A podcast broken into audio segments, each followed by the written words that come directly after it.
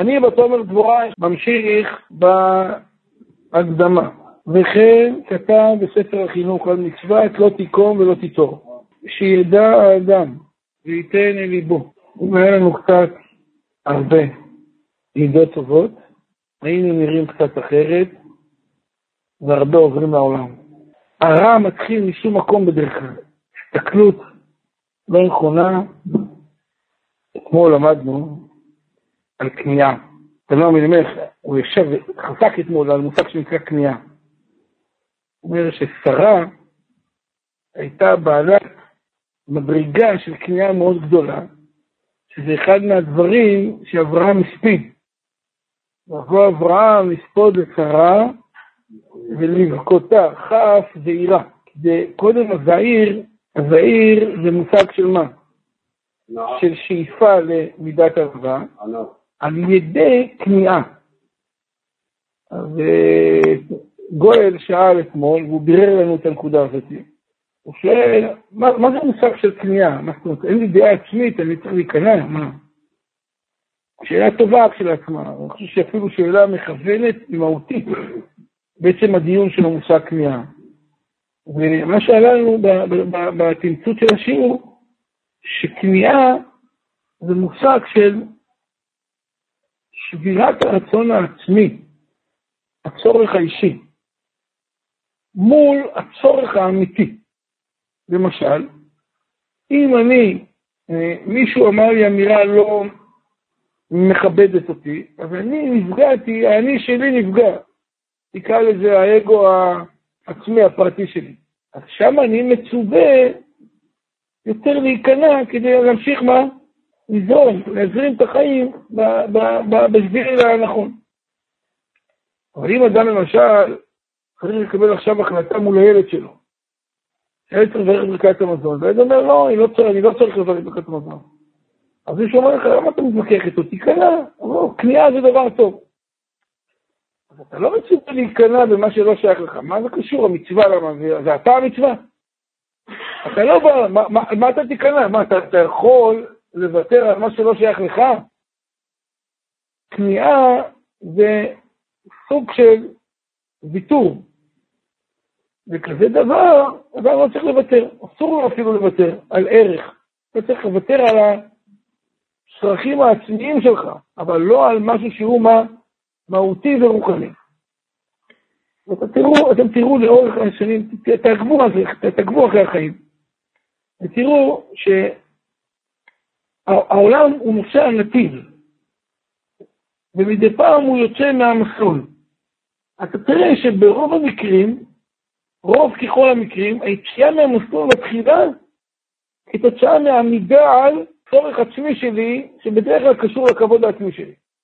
לא שאני מזלזל בכבוד העצמי שלנו, שהוא ערך חשוב, אבל אם צריך להקריב אותו מדי פעם, זה דבר חשוב לבנייה העצמית הרוחנית שלי. לא תיקור ולא תיטור, זה אחת מהדוגמאות הקלאסיות שהתורה מביאה לנו כמצווה. שכן שלי פגע בי, אתן לכם דוגמה, מישהו עשה מסיבה, פדיון בן. היה בקיץ, בשעות המאוחרות, שמתחיל להחשיך, כן? קצת כוכבים, שמונה ורבע, שמונה ועשרה, משהו כזה. אז התחילו את הפדיון בסביבות תשע. והוא גלש עד שהכהן הגיע, והעסק הזה התחיל, גלש בעשר, אחרו עוד רבע ל-11, ואז התחילו לשיר ב-11. מה השכן מול? חבר'ה, 11, להפסיק לשיר. מה הבית השני אמר לו? לא נפסיק. לא לשיר.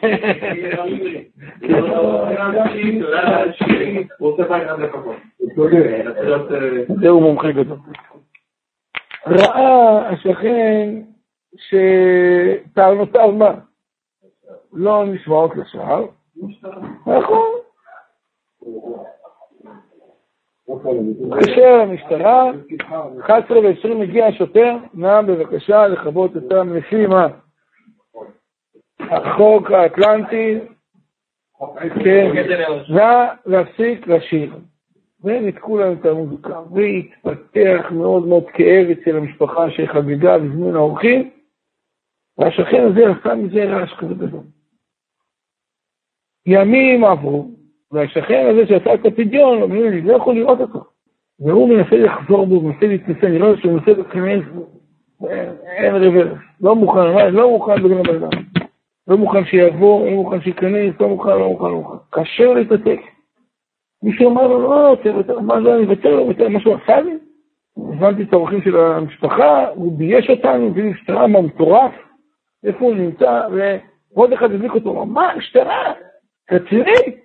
כן, ממש, זה לא מכבה אש, זה נקרא מוסיף אש. יש אחד מכבה אש, יש אחד מוסיף אש, והם מחממים אותו. אני לא הייתי לשגר וגורלה באמר. אני לא הייתי לשגר. ואם אני הייתי יכול, הייתי מזמין את העירייה שיפקחו לו את המחסן. זה התחיל, בקיצור, שם העסק הזה נמצא. עכשיו השאלה היא, יש פה יושב, על מה יושבת השנאה? כבוד עצמי, זה לא עכשיו שיושב פה על איזה ערך רוחני. פגיעה, הוא לא מסוגל להשתחרר. למה הוא עשה לי ולמה הוא אמר, אני לא מזלזל במה שאדם נפגע. שמה? אני לא אמרתי, אמרתי מראש, אני אמרתי, אני מבין. אבל באה התורה, לא אני ולא אתה.